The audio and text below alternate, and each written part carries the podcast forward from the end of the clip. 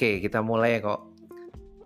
Selamat datang teman-teman uh, di podcast saya, podcast luar dalam uh, bersama gue Eriko.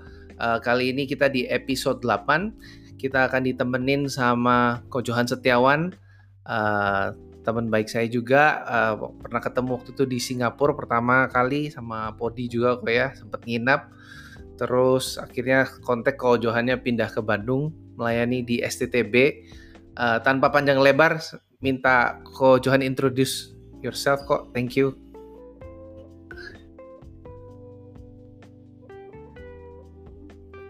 Ya, saya sekarang uh, pelayanan di STT Bandung sebagai dosen. Yes. ada dua role yang saya kerjakan sekarang. Uh, jadi wakil ketua bidang kemahasiswaan mahasiswa-mahasiswa STT di luar kelas. Jadi kalau begitu mereka di luar kelas urusan dari kemahasiswaan.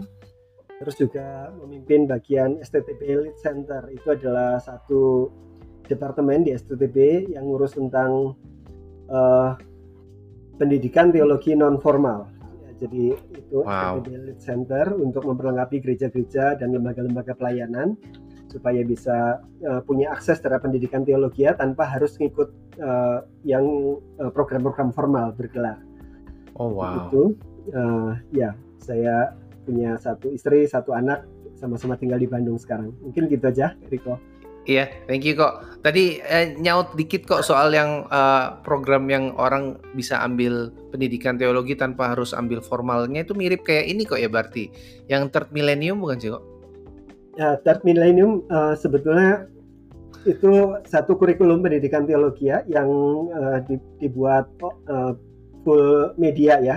Yeah. Jadi kita variasinya macam-macam. Jadi sempat oh. juga ngobrol-ngobrol dengan teman-teman di Third Mill untuk uh, kita jalankan di sini. Cuma kita masih uh, hesitate karena beberapa hal. Tapi yang kita lakukan oh. di sini ada yang model online, ada yang model onsite, kemudian ada model oh yang panjang, ada yang model pendek begitu. Jadi lebih macam-macam formatnya. Oh wow, berarti ini apa keren juga ya memfasilitasi jadi me, me, mengeliminasi bagian formalitasnya tapi lebih fokus ke edukasinya gitu kok ya mungkin ya.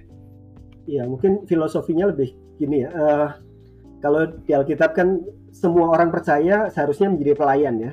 Uh, the priesthood of all believers. Nah, tapi kalau pemerlengkapan untuk orang melayani hanya di sekolah teologi ya, maka itu kan nggak nyambung dengan dengan pemandangan bahwa semua orang percaya perlu melayani.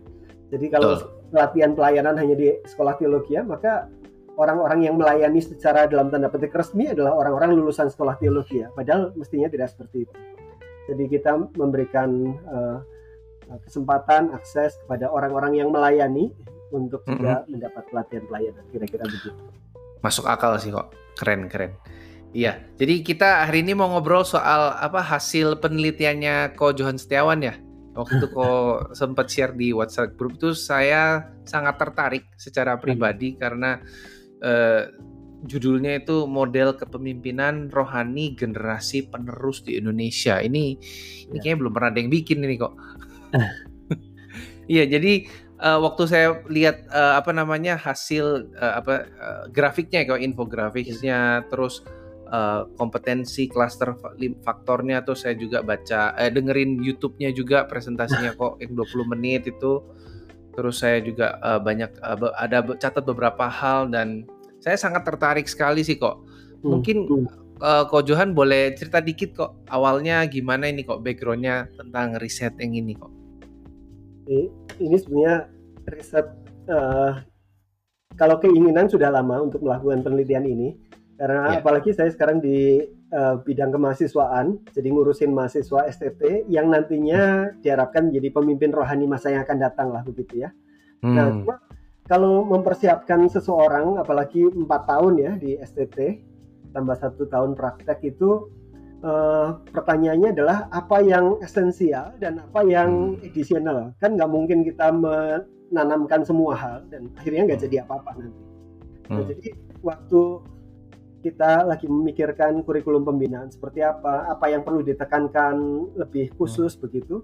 Pertanyaannya adalah apa sih kompetensi pemimpin rohani generasi penerus di masa yang akan datang yang ya. betul-betul perlu untuk kita kita uh, wujudkan dalam diri diri mereka. Nah, pertanyaan ini membuat uh, satu pertanyaan penelitian kompetensinya semacam apa dan apa bedanya kompetensi yang diharapkan dari generasi masa lalu dibandingkan dengan generasi masa depan karena wow. dunia berubah pasti tuntutan berubah jadi yeah. ya itulah yang menjadi latar belakangnya gitu ya terus uh, berarti ini dilaksanakan ini sekitar tahun berapa kok tahun lalu gitu atau dua tahun, tahun lalu tahun 2000 uh, kapan ya ini berarti tahun 2020 ya tahun 2020 oh tahun 2020 ya, ya. berarti pas pas pandemi banget kok ya Ya, makanya wawancaranya semuanya online nih jadinya. Semua online ya. Itu juga menghemat biaya kok ya. Menghemat biaya dan langsung recorded ya semuanya. Iya, langsung recorded ya. Iya, apa namanya? Uh, berarti driver main drivernya kalau bisa dibilang itu uh, karena keres ada keresahan pribadi gitu kok saya pengen coba gali di, lebih dalam yeah. apakah ada keresahan pribadi uh, pengalaman atau mungkin fenomena yang dilihat toh Ya, ini sebenarnya fenomena umum ya, bukan cuma di Indonesia, bukan hmm. tapi juga di dunia, bukan cuma di lembaga pelayanan, tetapi juga di lembaga-lembaga bisnis yang lain. Jadi hmm. uh, sering kali uh, yang menentukan ini di luar kedaulatan Tuhan dan kasih karunia dan lain-lain. Tetapi faktor besar yang menentukan eh, sesuatu itu berkembang dan tidak berkembang itu adalah adanya pemimpin yang baik. Kalau dalam dunia Betul. dunia pelayanan, pemimpin rohani yang baik yang yang bisa uh, uh, driving semuanya semua semua gerak pelayanannya itu. Jadi saya pikir hmm. uh, yang dibilang John Maxwell ya, everything hmm. rises hmm. and falls on leadership. Jadi Betul. Segala sesuatu naik turun itu berdasarkan kepemimpinan. Saya tahu itu overstatement ya, ya ada faktor-faktor lain lah. Tetapi Betul. ada banyak kebenarannya dari dari apa yang dikatakan itu. Iya iya. Iya saya pribadi juga uh, uh, apa ya uh, big believer terhadap hal itu bahwa everything falls and rise on leadership dan bagaimana me, la, apa kepemimpinan itu tidak dilahirkan tapi di di, di nourish gitu kan, di, dibangkitkan gitu kan. Nah terus ketika kok membuat ini ini kira-kira uh, tantangannya apa kok waktu pas bikin uh, nyusun ini Selain uh, pandemi juga ya. Tantangannya uh, mengidentifikasikan siapa narasumbernya. Jadi kita kan ingin mengidentifikasikan kalau kita mau penelitian tentang hal-hal yang esensial bagi pemimpin rohani masa depan, siapa mm -hmm. narasumber yang yang yang uh, yang yang cocok untuk ini. Jadi mm -hmm. saya meng, uh, mengidentifikasikan pemimpin-pemimpin sinode, mm-hmm. pemimpin gereja yang uh, exemplary leader lah gitu ya. Jadi orang-orang yang kepemimpinannya sudah proven, terbukti dan baik mm-hmm. dan punya mm-hmm. visi ke depan di sinode mm-hmm. gereja, pemimpin STT, pemimpin lembaga pelayanan, pemimpin lembaga misi. Jadi dari sekian banyak dipikirkan siapa aja mereka Nah, kemudian dihubungin satu-satu. Nggak semuanya bersedia, ada yang bersedia, ada yang tidak, begitu. Iya. Yeah. Nah, dari yang uh. bersedia ini pun setelah diwawancari ada beberapa yang hasilnya kurang rich begitu, akhirnya kita tidak masukkan ke dalam data. Jadinya hmm. terakhir ada 17 uh, top leaders di top leaders ya. gereja ya. uh, lembaga pelayanan Kristen yang ada di Indonesia yang diwawancarai. Wow, 17 ya. Berarti itu variety-nya uh, spektrumnya itu mulai dari gereja, non gereja sama udah atau dua itu aja. Jadi uh, kalau dua kelompok besarnya aspek gereja, gereja itu ketua sinode dan pemimpin gereja.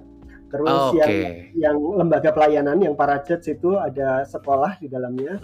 Terus ada juga lembaga misi, lembaga pelayanan. Oh, Oke, okay. jadi sekolah, lembaga misi, uh, ketua sinode sama pemimpin gereja. Jadi yeah. kalau ada ya total kategori subnya ada empat ya. Wah keren juga ya. Berarti uh, apa namanya dalam menentukan apa samplingnya gitu kok ya itu bahasanya ya eh, respondennya ya, ya. respondennya ya, itu kalau di penelitian kualitatif responden responden ya berarti ya lumayan awalnya mau nentuin yang mana juga kayaknya ya. lumayan pusing juga kok ya itu ya ya karena ini kan uh, kualitas penelitian ini uh, sangat tergantung pada ketepatan pemilihan responden ya jadi hmm. orang ini uh, punya visi ke depan apa enggak, dia uh, leadershipnya proven apa enggak begitu. Nah, Berarti pada saat kok menentukannya itu kok perlu kayak pre-interview dulu kali ya? Uh, enggak. Jadi, oh enggak ya? Ada beberapa teknik untuk seperti itu dalam penelitian kualitatif, oh, bisa oh. model referral, bisa model yang macam-macam. Kalau saya model yeah. kriteria uh, yang di, dinilai bersama-sama dengan uh, so-called expert lah. Jadi oke okay, disetujui ini. Jadi lebih namanya purpose purposeful uh, sampling. Jadi kita menyasar orang-orang tertentu yang ditentukan di dalam uh, kriteria itu. I see. Nah, kok setelah itu kan hasilnya tuh berarti adalah yang kok presentasi eh yang kok kirim di infografisnya itu ya kok uh, ada 30 kompetensi, ada 9 klaster, ada lima faktor gitu ya. Iya. Hmm. Terus kalau apa namanya? Saya lihat ini menentukan kompetensi klaster faktornya ini uh, gimana kok dasar pemikirannya kok? Oke, nah, itu sebetulnya metodologi penelitian kualitatif. Jadi oh itu metodologi ya? wawancara ini uh, wawancaranya kemudian di script semuanya. Nah mm -hmm. dari script wawancara dari sekian uh, uh, responden ini kita masukkan ke software namanya Hyper Research itu software research untuk penelitian kualitatif. Jadi biasanya kan wow. kuantitatif ya, yang statistik dan yeah. sebagainya. Ini yang untuk penelitian kualitatif. Oh. Uh, dengan menggunakan software itu uh, ditolong untuk menemukan kita saya kasih kode. Jadi ini dia oh. ngomongin tentang tema apa nih. Nah, orang lain hmm. ngomongin tentang tema apa. Nah, tema-tema ini kemudian dihubungkan satu sama lain. Nah, namanya oh. coding. Nah, kode-kode itu kemudian akhirnya singkat ceritanya ini ada prosesnya uh, ketemu 30 tema kompetensi dari sekian banyak wawancara itu. Uh, yang tema-tema yang kecil-kecil memang dibuang. Jadi ya itu mungkin oh. kekasannya lembaga itu dan sebagainya. Nah, ketemu yeah. tema-tema besarnya. Jadi 30 itu yang muncul. Jadi awalnya ya saya nggak punya nggak tahu bakal berapa yang saya temukan begitu. Iya, yeah, iya. Yeah. 30, kemudian diklasterkan lagi, kemudian difaktorkan gitu. Wow, berarti ini apa ini softwarenya basisnya artificial intelligence atau enggak, dia enggak, enggak kok ya? Enggak, enggak. Oh, keren Jadi, juga berarti ya. Banyak banyak kerjaan manualnya juga kalau kualitas. Banyak kerja. Ya, jadi wow. uh, untuk uh, ini kan perkataan orang-orang ngomong begini begitu ya. Kita kasih kode apa yeah. begitu ya. Nah, terus yeah. nanti ngomong apa yang lain nanti diklasterkan begitu. Oke. Okay saya dulu pernah bikin skripsi uh, kuantitatif sih, tapi kalau kualitatif memang katanya waktu itu dianjurkan memang uh, tidak karena susah. Dan berarti kebayang ini kalau data interviewnya itu ada misalnya satu orang itu 10 uh, uh, 5 lah, 5 halaman A4, terus kok harus bisa meng, apa ya, me, membuat kategori, memberikan kode tertentu di setiap ya. itunya lalu dikelompokkan lalu wah Wah luar biasa kok ya. Itu software karena karena jadi banyak banget kan kode-kodenya itu. iya iya. Terus nanti kalau berubah klasternya misalnya ini kayaknya terlalu kecil jadi dihubungkan dengan yang apa kayaknya lebih disatukan aja dengan dengan uh, tema yang lebih besar begitu kan harus mengubah semuanya juga tuh dari itu. Nah software itu oh. menolongnya di sini. Wah luar biasa ya softwarenya. Tadi apa namanya softwarenya kok? Hyper Research. Hyper Research ya. Nanti saya coba googling deh. Baru dengar saya kok. Oh, berarti ini hasil kerja keras keringat menyusun mengategori kayak apa ya? Uh, bisa bisa keluar seperti ini nih luar biasa berarti kok ya menemukan tema ya tema-tema yang muncul dari tema kompetensi jadi ada iya. banyak model penelitian kualitatif tapi yang ini yang menemukan tema kalau Riko biasa baca buku leadership yeah. ada yeah. satu yang Strength Finder pernah tahu ya Tahu kok. Nah, Strength Finder itu Tom Rev itu kan uh, dari ribuan itu. Kalau itu ribuan uh, top eksekutif mereka wawancarai karena memang kerjanya konsultan manajemen ya. Nah, dari situ menemukan tema-tema untuk uh, hmm. uh, apa kekuatan seorang leader manager dan hmm. itu dijadiin software uh, untuk uh, spotting saya kuatnya di mana, lemahnya di mana berdasarkan uh, 33 tema kalau nggak salah yang yang ditemukan pemerintah. Iya iya, keren sih. Saya saya tertarik sekali dengan leadership karena memang apa ya saya core passion saya pribadi ini memang leadership dan discipleship dan saya percaya keduanya hmm. itu memang berjalan secara uh, hand in hand gitu kok dan exactly. yeah. dan dan saya saya uh, flashback ke hidup saya uh, berapa 24 tahun yang lalu bagaimana saya di dibimbing oleh mentor pertama saya dan maksudnya saya bisa melihat bagaimana kalau ketika ini di mapping seperti ini kita jadi kalau buat saya sebagai yang menerima hasil researchnya ini kayak uh, kok udah buka jalan gitu kok ya ke satu hutan yang tidak pernah dijelajahi dan sehingga generasi berikutnya bisa uh, apa bisa bisa masuk ke jalan itu dan me, apa me, melakukan mudah-mudahan uh, regenerasi dengan lebih baik gitu kok ya. Sebetulnya kalau di companies ini proses yang sangat biasa dilakukan. Mm -mm. Ya, jadi uh, yang namanya kompeten kompetensi based human resources management yeah. itu mulainya dengan mengidentifikasikan kompetensi-kompetensi yang penting bagi hmm. uh, jabatan-jabatan di perusahaan itu. Nah, gitu ya. Terus, ya setelah mengidentifikasikan kemudian seluruh sistemnya based on that gitu jadi uh, mau bikin rekrutmen rekrutmen based mm -hmm. on competence yang ditemukan mm. kemudian training ya, training berdasarkan competence uh, payment berdasarkan performa dari masing-masing competence coaching and counseling based on that jadi awalnya adalah menemukan kompetensi-kompetensi yang dikehendaki kemudian di, diletakkan di masing-masing leadership position yang yang mau diukur dan mau dikembangkan. Nah, semuanya kemudian based on kompetensi itu. Jadi integrated. Integrated. Berarti uh, basically ketika uh, orang menemukan kompetensi ini melakukan uh, filtering, sorting, itu tuh diterjemahin ke dalam yang mungkin kalau untuk rekrutmen job description kok ya? Uh, uh, Bukan nggak terlalu ke sana. Jadi sebetulnya oh, nggak ke sana justru. Uh, menemukan kompetensi betul seperti Eriko tadi bilang bahwa ini adalah kerjaan pertama masih di awal banget gitu. Untuk hmm. bikin jadi sebuah leadership development system itu hmm. perlu banyak perangkat-perangkat yang lain. Nah, oh, wow. uh, job description itu uh, karena dunia ini kan sekarang sangat fluid ya, berubah-berubah begitu. Betul. Sekali kita define job description sekarang ini nanti mungkin tahun depan sudah jobnya udah beda lagi gitu. Jadi nggak terlalu Betul. banyak uh, berkaitan dengan ini. Jadi lebih ke kompetensi ya ini. Iya. Men, uh, kalau tadi kok bilang di eh, apa di company sini sesuatu yang standar untuk mencari bahasanya kompetensi based recruitment. Itu nah, mungkin company yang mungkin resources uh, iya kompetensi based uh, human resources management. Itu mungkin company yang mungkin standar uh, standarnya standar di mana kok? Based on yang saya saya tanya eh, ada beberapa temen yang punya startup. Saya pernah bekerja di beberapa uh, organisasi Kristen internasional. Hmm. belum pernah tuh kok nemu kompetisi based human kompetensi based human resources. Uh, kalau konsultan-konsultan human resources yang yeah. uh, bicara tentang performance improvement sebetulnya yes. ada beberapa tools. Nah, salah satu tools utamanya untuk mengintegrasikan seluruh kerjaan human resources-nya adalah kompetensi base ini. Mungkin namanya berbeda-beda. Nah, yeah, cuma yeah, iya. memang yeah. Uh, nah ini kalau ngomongin startup ya, start yeah. ini ini perusahaan-perusahaan yang biasanya lebih lebih kalau startup itu banyak bikin prototyping proto, iya. prototyping yeah. ya. Ini kita kerjain Betul diujikan kemudian jalan apa enggak. Nah, kalau sudah mulai ya, awal-awal kan timnya sedikit. Begitu ya. sudah yeah. jadi uh, apa network uh, kerjaan yang sudah banyak, nah yang mm -hmm. seperti ini kemudian mulai diperlukan kalau di awal-awal.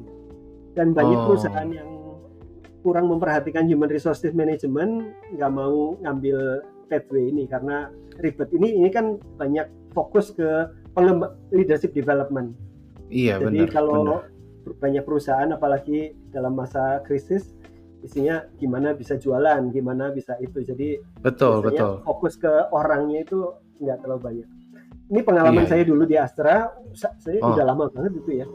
Tahun oh iya kok. Saya di sana tahun saya keluar dari Astra tahun 98 itu sudah dilakukan yeah. di sana. Oh di Astra udah ya levelnya Astra yeah. ya? Iya saya saya 98 keluar dari Astra. Ya itu Kok, itu itu sudah di, dikerjakan dengan baik di beberapa nggak semua anak perusahaan ya beberapa yeah, anak yeah. perusahaan yang baik. Oke, okay. berarti uh, Astra cukup uh, concern dengan leadership development berarti ya? Ya. Mereka ya. paham pentingnya itu ya? Ya.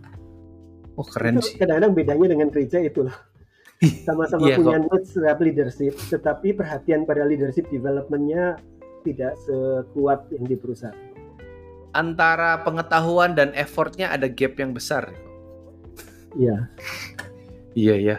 Nah, Cuma uh, dan gimana Pak? in a way ya dalam beberapa hal itu lebih dalam tanda petik ya lebih gampang daripada gereja yang volunteer base. Kalau di perusahaan kan Hmm, ini kompetensinya jelas, nggak cocok kita Iya. cut begitu ya. Eh, Betul. dan eh, kita bisa bisa pilih orang. Nah, eh, begitu kita punya offer yang bagus, kita bisa dapat orang bagus. Nah, kalau volunteer kan ya eh, lebih ke suka-suka begitu ya. Dan Iya. kadang-kadang ada orang yang bagus karena volunteer base dia nggak bisa eh, kasih waktu yang cukup. Jadi akhirnya kita dapat yang yang kurang begitu. Iya, yang mungkin eh, hatinya eh, penuh tapi mungkin skillnya terbatas Hmm, gitu ya. perusahaan Iya, lebih iya. bisa eh, apa attracting talents begitu ya dalam beberapa hal. Nah, eh, lanjut lagi soal leadership development kok kalau so far yang sejauh yang kok kok kan eh, pernah eh, ini kan ya menggembalakan di gereja di Singapura kan kok ya? Ya. Terus kok juga punya mungkin ada pengalaman di masa lalu dan mungkin sekarang. Nah, so far yang kok lihat ini leadership development eh, role di gereja maupun eh, para church juga itu eh ada di mana kok landscape-nya sekarang? Apakah mungkin masih jauh dari yang eh, model yang kau ini atau ada yang dekat? In, in general maupun eh, spesifik kok? Nah ini generalisasinya rada susah nih ya. Oh. Eh, cuma saya lihat ya kayak eh, mungkin salah satu ciri-cirinya adalah seberapa lembaga pelayanan atau gereja itu eh, waktu terjadi pergantian kepemimpinan pergantiannya eh, bisa mendapatkan orang yang tepat dari dalam. Nah biasanya Hmm. kalau bisa dapat yang seperti itu itu menunjukkan bahwa leadership developmentnya jalan. Hmm. Ya, jadi nah sering kali eh, saya lama ya di lemba di para church ya 12 tahun lebih ya di para church kemudian di gereja sekarang di STT Iya. Eh, sering kali eh, para church terutama tetapi juga termasuk gereja kadang-kadang eh, leadership developmentnya demikian parahnya jadi kalau misalnya ada satu generasi bagus itu bukan karena generasi di atasnya itu membina dengan baik begitu ya ya karena pasti dapat orang bagus terus Iya. di bawahnya not necessarily bisa sebagus yang di atasnya. Kemudian Betul. bisa kadang-kadang itu cuma one generation away dari extinction itu ya beberapa lembaga pelayanan kayak begitu. Iya. Diawali dengan bagus, kemudian nggak diteruskan dengan bagus, kemudian tiba-tiba udah nggak terdengar pelayanannya begitu dan itu banyak sekali. Banyak sekali ya. Iya, jadi seolah-olah mereka mendapatkan tanda kutip by chances, lalu eh, Ya. berharap bahwa chances itu akan eh, terulangi lagi, tapi Hmm. tidak ada intentionality-nya ya.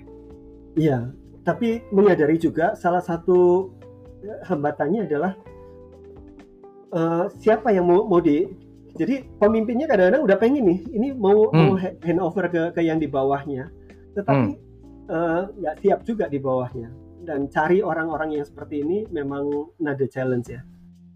Iya, berarti eh, ada berarti ada gap antara eh, yaitu tadi keinginan dan eh, kemampuan kok ya. Keinginan untuk me- mengembangkan tapi tidak memiliki kemampuan untuk mengembangkannya gitu kan kok. Ada beberapa orang yang memang mau memimpin terus begitu ya, yang nggak Nah. terlalu nggak ingin di bawahnya naik gitu. Tetapi ada Ya. juga orang yang pengen mengembangkan di bawahnya, tapi yang di bawahnya nggak ada gitu, yang cukup Nah. siap untuk itu. Jadi Iya. memang banyak aral melintangnya. Ya, berarti kayak gitu kan menciptakan sebuah apa ya kalau kita mau bicara pasar itu ada ada sebuah pot peluang untuk eh, kayak misalnya hasil risetnya kok ini kalau kita mau tanda kutip kita saya berpikir liar kok ya.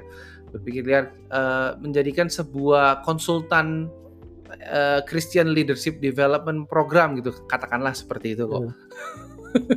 dengan jadi kok mau ya menurut kok kalau untuk ke arahnya ke sana itu agak terlalu jauh nggak kok?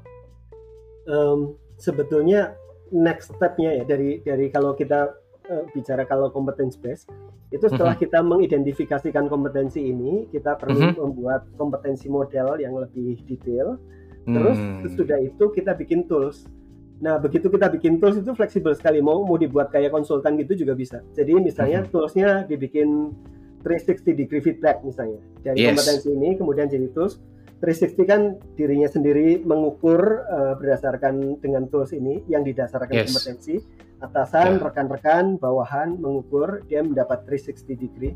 Nah, mm-hmm. tools itu nanti kan akan ketahuan dia kuat di mana, lemah di mana. Yeah. Nah, kuat di mana, lemah di mana itu kan jadi bahan coaching. Nah, yeah. Jadi uh, untuk coachingnya bukan berdasarkan sesuatu yang enggak job related, tetapi berdasarkan kompetensi yang dicari. Nah, nanti training apa uh, training needs analysisnya berdasarkan yeah. misalnya ada di, di di gereja ini atau di uh, perusahaan ini ada ada 50 orang. 50 hmm. orang ini banyak kan kekuatannya di mana, banyak kan kelemahannya di mana dan kita bisa bikin training needs analysis berdasarkan itu. Jadi iya. memang uh, kalau diteruskan akan jadi human resources tool sebetulnya dan iya.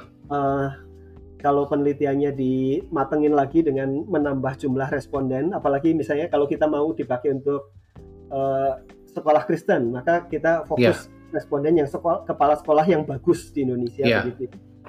Nah itu bisa bisa jadi uh, tools untuk assessment, coaching, counseling, leadership development untuk sekolah-sekolah. Kalau di gereja juga bisa begitu. Jadi hmm. aplikasinya banyak sekali sebenarnya untuk untuk itu. Ya berarti kalau mau langsung sampai ke uh, leadership development consultantnya itu uh, masih terlalu dini kok ya perlu dilakukan sampling untuk uh, apa ya jenis lembaganya spesifik dulu supaya lebih tajam hasilnya sehingga baru kita bisa simpulkan ya. uh, modelnya gitu ya atau fokus misalnya kalau ini untuk leadership development di gereja begitu ya jadi ya gereja itu, terus kembangin toolsnya Mengembangin tools ya. toolsnya maupun keseluruhan paket human resources yang competence based ini.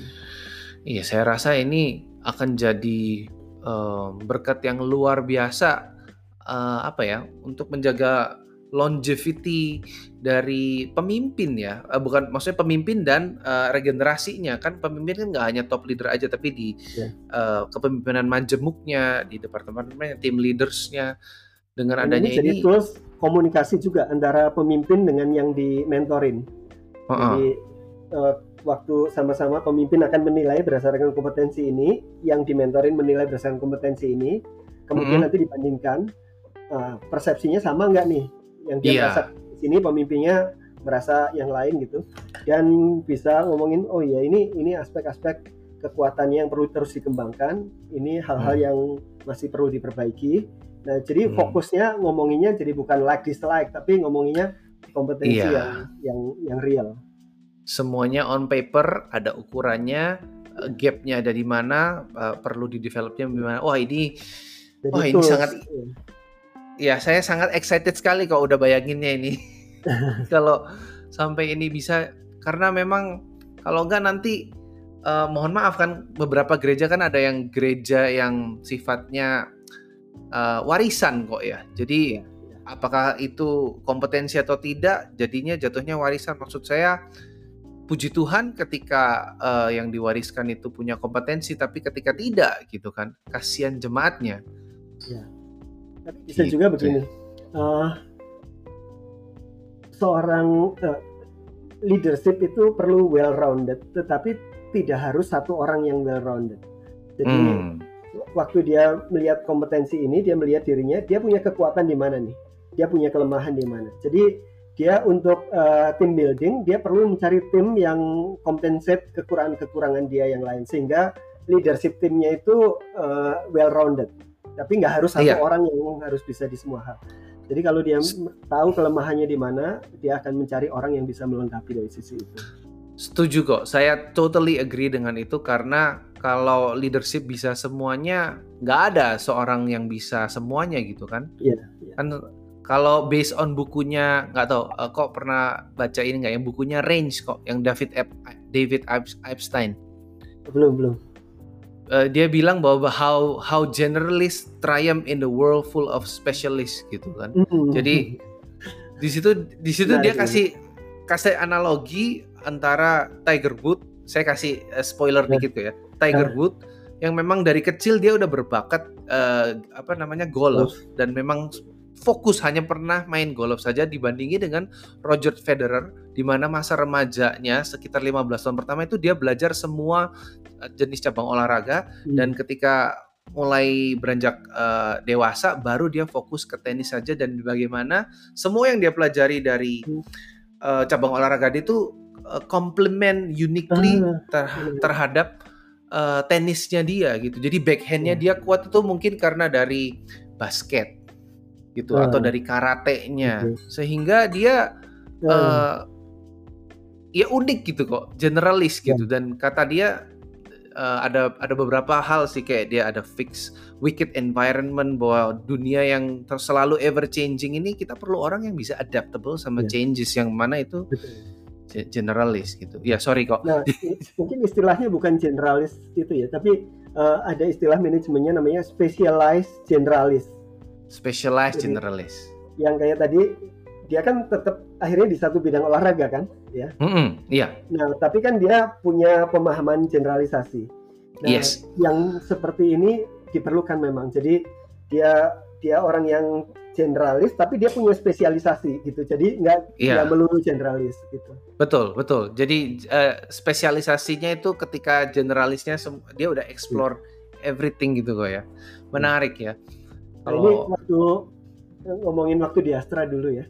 Saya iya, kan kok. latar belakang saya psikologi ya. Iya. Masuk ke human resources. Mm -mm. Dan waktu itu mentor saya di sana bilang karirmu bakal cukup baik ke depan, tetapi pengetahuan kamu itu cuma psikologi gitu.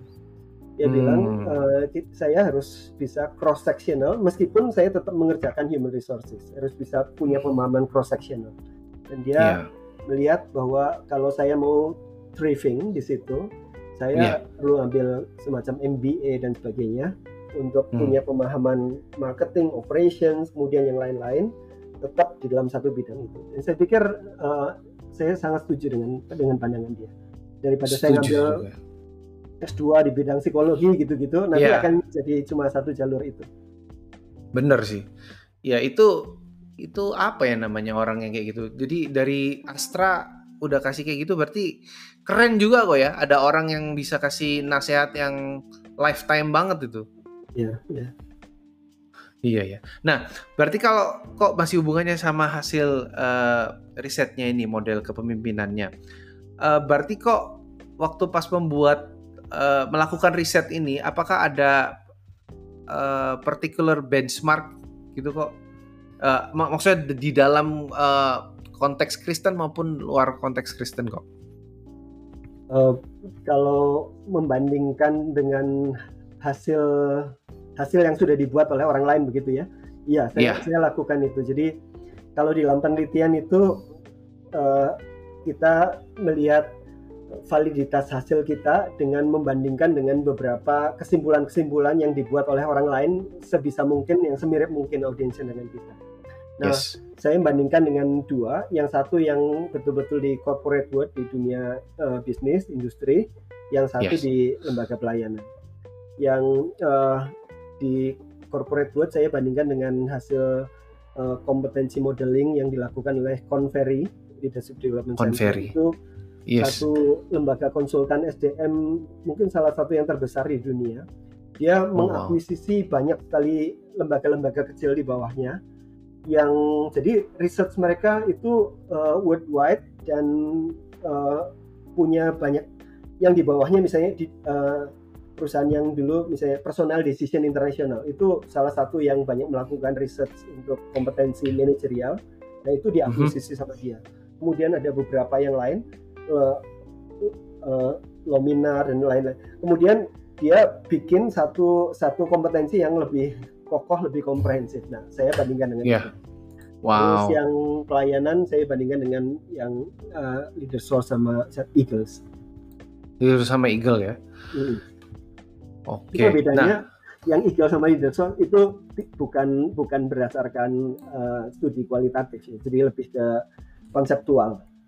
lebih ke konseptual ya. Em, oh iya. Terus setelah setelah hasilnya jadi kok, setelah eh, hasil penelitiannya udah jadi, eh, bagaimana kok ngelihat hasilnya diban eh, bukan dibandingkan ya berarti maksudnya apakah kok cukup puas atau melihat ada irisan-irisan antar yang mirip gitu antara benchmarking tadi kok? Ya, ya cukup puas ya. Saya lihat hasilnya gitu ya. Eh, eh, cara mengklasifikasikannya kalau yang berdasarkan eh, ini, yang dengan Convery, eh, Convery itu sangat komprehensif. Jadi ini hanya Oh, wow. kayak kayak bagiannya lah dari dari kompetensi yang lebih banyak yang ditemukan oleh Convery. Wow. Tetapi juga aspek-aspek yang sifatnya spiritual yang Convery nggak ada. Ini ini ada Ya. di sini. Cara Hmm. pengklasifikasiannya kadang-kadang sama, kadang-kadang berbeda, tetapi itu mengkonfirmasi. Nah, kalau yang dibandingkan Eagles dan Leader Source itu eh,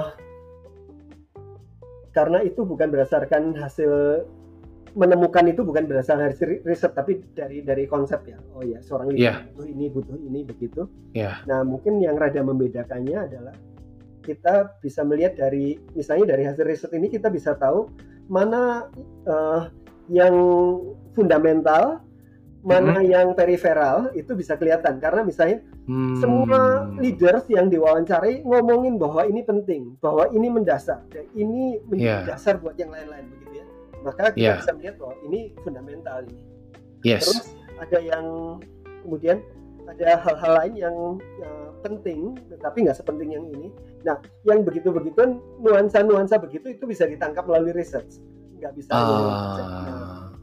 Dari dari hasil riset ini kemudian saya bentukkan jadi model eh, yang muncul yang di bawah itu hidup yang berpusat pada Tuhan, karakter, kemudian relasi, eh, panggilan dan dan kepemimpinan itu. Jadi itu mungkin berbeda perbedaannya di situ. Tetapi poin-poinnya menariknya adalah poin-poinnya itu sangat paralel dengan yang ditemukan. Hmm. Jadi cuma Paralel ya? berbeda. Wow. Jadi eh, ada ada ada kesamaannya gitu kok ya? Ya, ya, banyak sekali kesamaannya. Oh bentar kamera saya. Oke, nah eh, nyambung lagi langsung kok eh, apa namanya?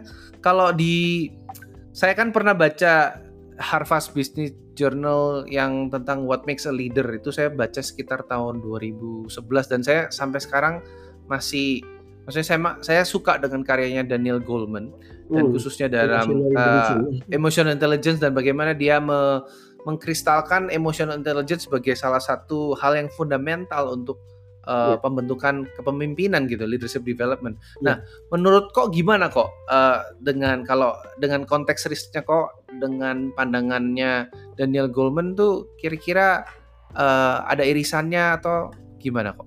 Iya, jadi eh, ada lima aspek ya kalau nggak salah ya emotional Iya. intelligence Goldman itu Betul. itu juga tertangkap juga di, di riset ini. Jadi eh, Itu, eh, yang masuk dalam Infografisnya itu di-share eh, ke ini nggak bisa orang-orang supaya dapat sih. exposure. Cuma itu masuk dalam klaster karakter dan relasi ya. Di karakter dan relasi inilah itu Ya. komponen-komponennya Daniel Goleman itu masuk di situ. Eh, jadi kompetensi yang masuk dalam dalam eh, faktor karakter dan faktor relasi.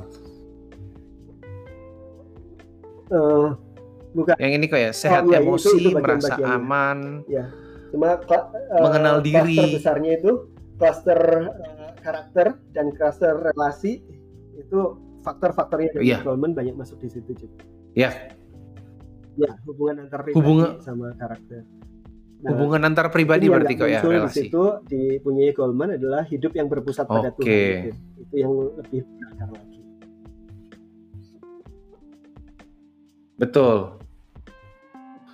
Nah, menurut kok kira-kira eh, apa setuju nggak kok eh, dengan pendapatnya Daniel Goleman bahwa memang eh, emotional intelligence khususnya eh, mengenal diri sendiri, gambar diri itu adalah salah satu yang Iya, paling jadi, fundamental kok eh, sebelum yang hal yang lain dikembangkan. waktu uh, seorang leader memiliki memiliki self awareness seperti itu, dia dia tahu apa yang menjadi uh, bidang dia. Kalau kita mm -hmm. bicara dalam kerohanian kita, dia dia tahu apa yang menjadi panggilan dia, begitu ya. Dia dia tahu apa yang menjadi uh, yes kekuatan dia, apa yang menjadi kelemahan-kelemahan dia, uh, dia kemudian bisa membangun dirinya, mengambil pilihan-pilihan berdasarkan itu, itu dia uh, tidak harus menjadi insecure begitu, uh, dia tidak bisa menjadi sama seperti orang lain begitu ya. Dan orang-orang yes. yang seperti ini ditambah kerendahan hatian gitu ya, kerendahan yeah. hatian, dia uh, akan tidak menghambat orang lain yang mm -hmm. uh, dianggap menjadi pesaing dia dan sebagainya. Jadi ada ada banyak awareness tentang dirinya, kesadaran panggilannya, kesadaran apa yang menjadi kontribusi khasnya itu membuat dia jadi nggak harus ya setiap orang punya punya apa yeah. Ya. uh, punya punya tracknya masing-masing lah begitu ya dan nggak harus menjadi sehebat orang lain juga. Betul. Iya, saya mau underline yang kok tadi sebutin soal secure sama di kalau dibandingin ke kontrasin dengan insecure kok. Kan secure insecure ini gambar diri merasa aman atau enggak itu kan salah satu faktor yang pembentukannya itu adalah hmm, ketika hmm, uh, bagaimana dia dibesarkan oleh orang tuanya gitu kan. Nah, dalam faktor kalau dalam uh, bahasanya kalau apa ya hmm, uh, pengajaran Kristen itu kita bicara soal mungkin hmm. hati bapa materinya kok hati bapak, orang tua, pemulihan dengan orang tua. Nah, di dalam model kepemimpinannya Ko Johan ini bagaimana kok nanti uh, ketika ini nanti uh, kita berandai-andai bersimulasi gitu yeah. ya. Ketika ini udah jadi uh, materi untuk konsultan pengembangan, bagaimana kita bisa mendeteksi itu dan bisa mentekel itu di untuk, awal kok? Untuk uh, ini susahnya Ay. pendeteksian itu uh, ketika dia self report kan dia mendeteksi dirinya sendiri ya ada apa enggak dia kalau dia nggak punya awareness tadi ya mendeteksinya jadinya bisa bisa keliru begitu ya. Betul. ya dan itu sebabnya butuh orang lain yang mendeteksi jadi dirinya sendiri orang-orang di sekitarnya yeah. jadi uh, kalau dia insecure kan sebetulnya sering kali yang merasa duluan orang-orang di sekitarnya daripada dianya begitu ya jadi kalau misalnya 360 degree-nya itu dijalankan bawahannya, mm-hmm. rekannya, atasannya, dirinya, dia akan mendapat ah. aspek-aspek blind spot dia untuk dalam pengenalan dirinya akan bisa dilengkapi oleh apa yang diamati dan dirasakan oleh orang lain yang berinteraksi langsung dengan dia.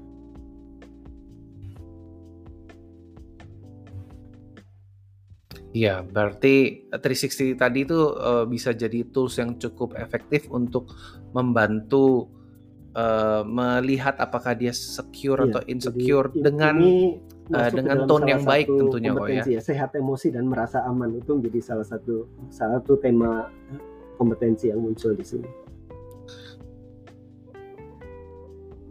Ya. Itu bisa itu prosesnya bisa lama, bisa ya, cepat tergantung uh, masing-masingnya juga kok ya backgroundnya. Iya iya menarik ya. Kok ini dong kok kan uh, cerita dikit dong kok tentang apa your leadership journey kok. Itu gimana kok ceritanya kok uh, ya mungkin ya pengalamannya atau uh, di mentor terus bagaimana kok melihat uh, uh, leadership Saya itu seperti apa kalau nggak keberatan sharing kok. Jadi kan ada orang-orang yang ada orang-orang yang memang sangat courageous, reluctant leader. Saya jauh dari dari profil yang seperti itu saya itu memimpin itu karena karena terpaksa kalau bisa dibilang iya. gitu. Jadi uh, waktu di Yayasan Gloria misalnya waktu di para church begitu saya memposisikan diri sebagai pendukung leaders bukan sebagai eh, iya. leaders yeah. yang mengambil seluruh responsibility. Sampai satu titik di mana leadersnya ini pergi dan mau nggak mau saya harus uh, take over leadership begitu ya uh, saya bisa saya merasa dimampukan Tuhan untuk mengerjakannya, okay. tetapi saya lelah itu mengerjakannya. Jadi kan ada orang-orang yang memang hmm. aspire to be a leader, kemudian jadi uh, memang secara personality seperti itu ya. Uh, yeah. Saya merasa kurang nyaman yes. jadi top leaders. Jadi tapi saya saya nyaman jadi pendukung seorang leaders yang visinya sama begitu. Saya akan menjadi resource bagi dia itu saya itu posisi yes. yang paling nyaman. Tapi kadang-kadang dalam pelayanan kan kita nggak bisa pilih mana yang paling nyaman ya. Tuhan menempatkan kita dalam satu situasi begitu. Demikian juga waktu di gereja. Uh, Betul. Ya mau nggak mau jadi leaders ya. Kalau di Betul. gereja jadi rohaniwan di sana begitu. Kemudian waktu masuk uh, eh, STT yeah. Bandung begini, kemudian yeah. masuk dalam beberapa peran-peran tanggung jawab itu. Jadi sebetulnya kalau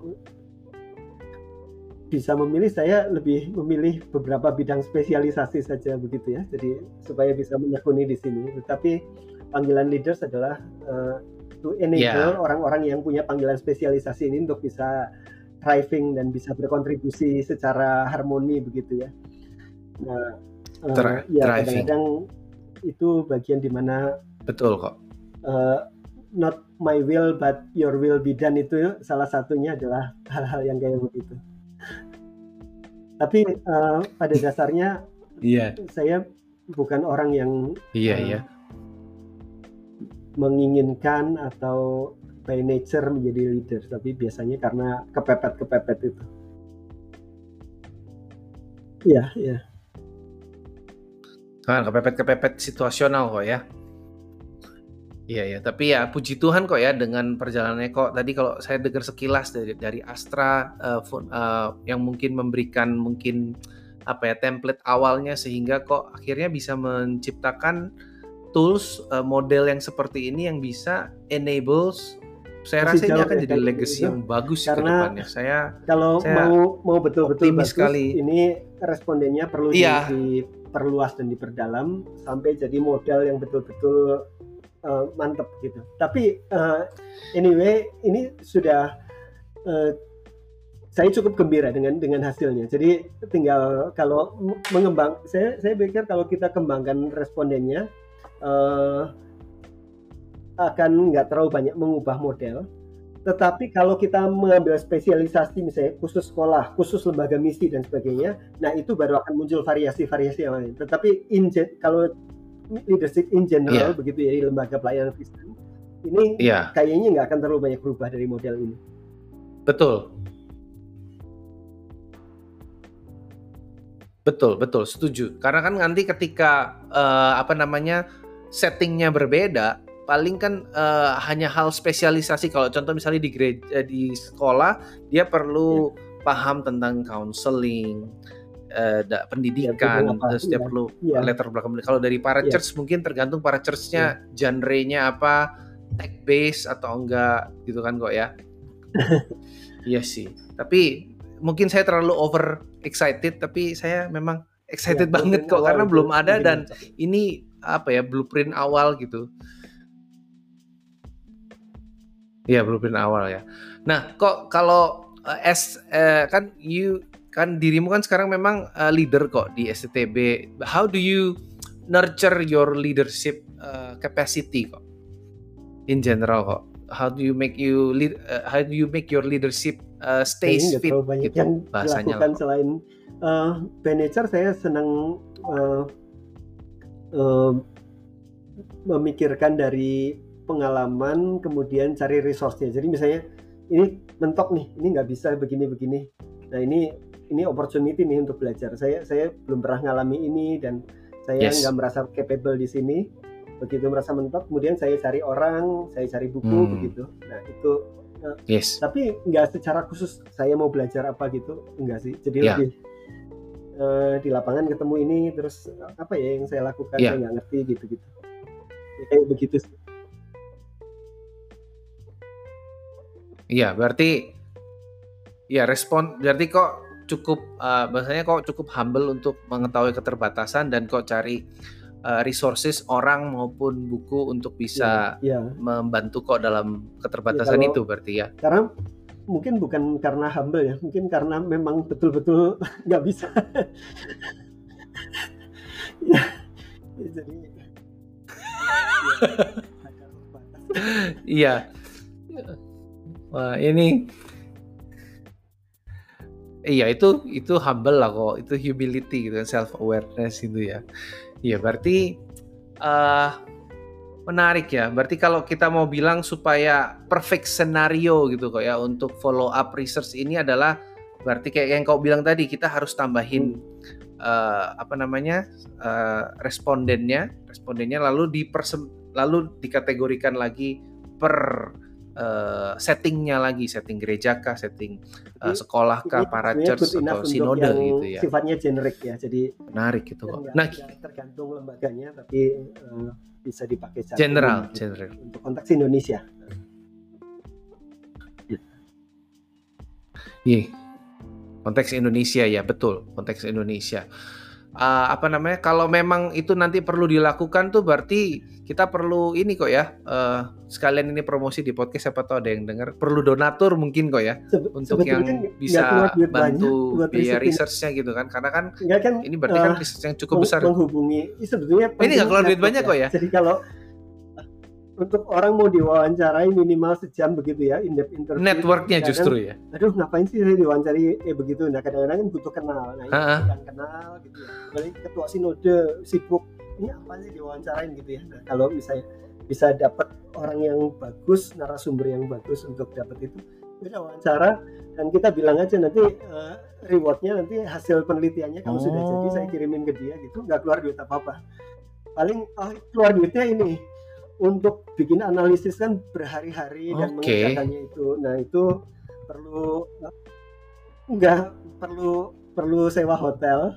Outsource ya? yang adem gitu-gitu ya. Jadi tenang untuk ngerjain ini nggak oh. sambil nggak sambil apa ngerjain tugas-tugas yang lain I gitu ya. fokus beberapa hari di situ gitu. Nah mungkin keluar duitnya itu doang. Iya, yang lain-lainnya iya. mah lebih ringan. I see I see Ya. Logistik. Ya. Berarti ya uh, dananya yang paling ya logistik berarti kok ya, logistik untuk memprosesnya ya. Jadi tidak ya nggak gede juga sih. Wah ini berarti kalau misalnya mau minta izin kok, kalau misalnya saya akan ada net beberapa network kira-kira yang uh, mungkin hmm, nanti saya bisa offer ke kok itu kok keberatan nggak saya cerita soal risetnya sehingga nanti kalau uh, saya bisa kasih apa ya bahasanya kompilasi kompilasi pemimpin Kristen dari berbagai setting tadi sehingga ya, kok bisa ya, pilih sendiri itu. menunya gitu. Nah, Nanti uh, saya buka aksesnya gitu ya, kok. sebenarnya uh, itu baik kok ya. Waktu saya di STT begini ya, memikirkan future leader kan uh, gereja sering kali berharap pemimpin-pemimpin masa depannya dihasilkan oleh STT hmm. lah ya, sekolah teologi. Ya. lembaga-lembaga pelayanan juga berharap seperti itu. Gitu. Uh, Iya. Maka salah satu tempat yang perlu uh, sangat serius dalam leadership development bagaimanapun adalah sekolah teologi ya, gitu ya. Uh, meskipun juga di semua lembaga pelayanan, semua gereja juga perlu secara sekolah internal teologi, ya. melakukannya. Ya. Uh, tetapi uh, untuk uh, setuju pergantian generasi-generasi ke depan begitu kita perlu menyediakan sesuatu yang nggak mentah banget lah, orang-orang yang sudah terbentuk dalam hal itu jadi saya merasa bahwa ya hmm. uh, banyak sekolah teologi yang uh, tidak terlalu memperhatikan leadership. Jadi banyak kan lebih fokus tentang ngajarin biblika, sistematika, belajar tentang beberapa keterampilan praktis, tetapi leadership developmentnya nggak jadi. Akhirnya ya jadi orang jadi hmm. pegawai gereja aja ya, jadi ya dia hmm. menjalankan apa yang ada begitu. Begitu pemimpinnya cari pemimpin, uh, mau mau mau mewariskan kepemimpinan nah, dengan, yang mau mentoring cari orang juga nggak ada. Meskipun ada sekian banyak orang tapi dia nggak merasa siapa di antara mereka yang bisa saya pimpin. Nah itu kan jadi uh, gap yang yang perlu diisi. Nah. betul betul. Nah kok dengan kondisi leadership development di berbagai setting tadi STT gereja para church yang mungkin tanda kutip ala kadarnya atau yang sesuai kemampuan mereka sedangkan model ini baru keluar masih blueprint banget. Kira-kira hal praktis apa kok kok yang bisa kok kasih mungkin tips uh, satu dua sampai lima gitu? Ya atau mungkin tiga aja uh, untuk start leadership development oh, di masing-masing setting tadi organisasi tadi. Pemuritan saja. Jadi ya dengan mentoring pemuritan seorang pem, seorang serius leader, dengan pemuritan.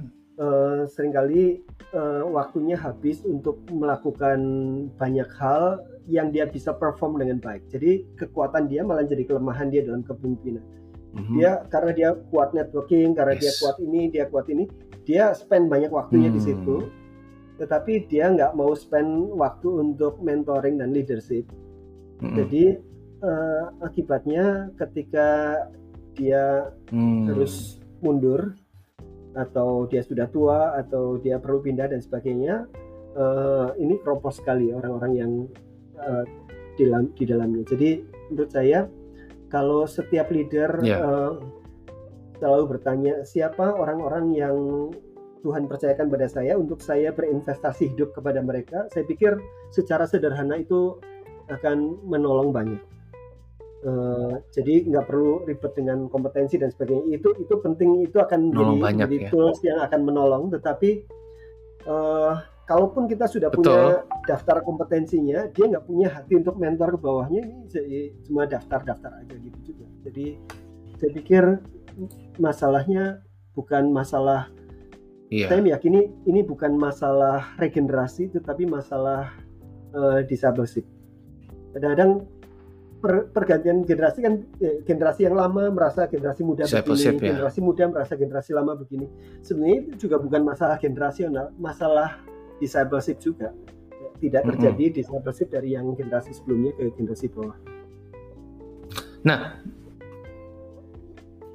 hmm, tidak terjadi discipleship ya dalam Uh, kok kok supaya ini kan discipleship itu konteksnya setiap gereja itu macam-macam nggak? Kok bisa kasih satu uh, one liner gitu kok discipleship yang kau uh, maksudkan dalam konteks ini apa? Mungkin ada tiga aspek yang yang esensial dalam discipleship ya. Jadi kata discipleship sekarang disematkan di banyak hal. Oke, okay, ya. boleh boleh kok. Uh, kita sebut persekutuan juga discipleship, khotbah juga discipleship, pembesukan juga Tuh. discipleship gitu. Jadi akhirnya kita merasa sedang melakukan discipleship, yeah. padahal discipleship yang esensial tidak sedang dikerjakan gitu. Nah, uh, saya pikir tiga hal yang tidak boleh yes. tidak ada dalam sebuah discipleship. Yang pertama ada relasi yang mendalam, bukan hanya relasi permukaan. Jadi ada deep relationship dari uh, pemimpin dengan yang dipimpin, kemudian antara anggota. Hmm. Jadi itu. Yang kedua ada intentionalitas. Jadi bukan hanya sekedar ngumpul-ngumpul relasi secara sosial, tetapi uh, relasi yang punya visi begitu kita mau bawa ke mana yes. nih kita ada ada kualitas seperti apa komitmen Betul. seperti apa yang kita harapkan setelah mm -hmm. sekian lama kita berjalan perubahan hidup seperti apa jadi uh, relationship with a vision begitu ya jadi ada yes. with an intention jadi ada relasi ada intentionalitas ini mau dibawa yes. yang berikutnya ada multiplikasi multiplikasi kesadaran bahwa mm orang-orang yang bersama-sama dengan saya ini adalah orang-orang yang akan meneruskan mata rantai kepemimpinan. Jadi saya sedang menginvestasikan hidup kepada mereka dan kontribusi hmm. terbesar saya kepada tubuh Kristus sering kali bukan apa yang saya lakukan tetapi orang-orang yang saya hasilkan itulah kontribusinya. Jadi kesadaran untuk memultiplikasikan hidup kepada orang-orang lain. Nah, tiga esensi itu relasional, yes. intensional sama multiplikasi. Yeah ketika itu dihidupi maka kita sedang mengerjakan discipleship jadi bukan sekedar ngumpul-ngumpul dalam kelompok kecil itu belum tentu discipleship uh, ya ya begitu iya iya luar biasa ya relasional intensional dan uh, multiplikasi ya thank you kok udah ngasih framework yeah, yang yeah. bagus itu mungkin ada di Instagramnya kok juga yang so, kok biasa disciplegram tuh kok ya Iya, uh, baiklah kok. Ini kita nggak kerasa udah uh, mendekati satu jam kok. Asik banget kayaknya. Uh, mungkin kita akan segera akhiri podcastnya kok. Jadi uh, so far thank you banget kok udah sharing uh, model kepemimpinan rohani generasi penerus di Indonesia. Uh, Ko, Ko Johan kira-kira keberatankah kalau misalnya ha, apa yang kok posting di WhatsApp tentang ini kok? silakan silakan makasih juga Eriko kalau ini bisa berguna untuk orang-orang yang sedang melayani lebih baik uh, iya bentar kok ini video saya kayaknya lagi error sorry kok nah Iya, oke. Okay. Uh, eh, jadi teman-teman yang dengar podcast ini pemimpin, calon pemimpin, nanti saya bisa kasih linknya untuk uh, infografis dari ini. Dan pembicaraan kita hari ini uh, menarik. Thank you banget Ko Johan buat waktunya. Tadi mungkin closingnya adalah ketika uh, gereja dengan leadership development tools yang terbatas bisa mulai uh, intensional identifikasi orangnya lalu uh, secara niat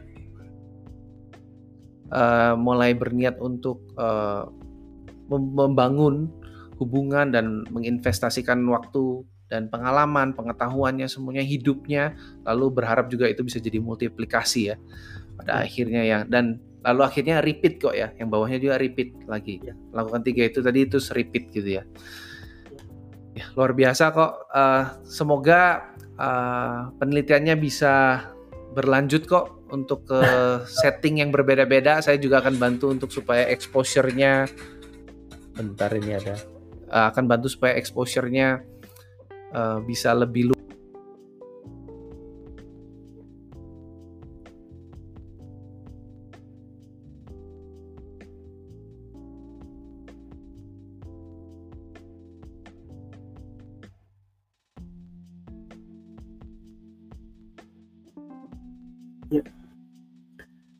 You juga Erika untuk kesempatannya. Tuhan berkati. Ya. Ya. Ya, bye. God bless.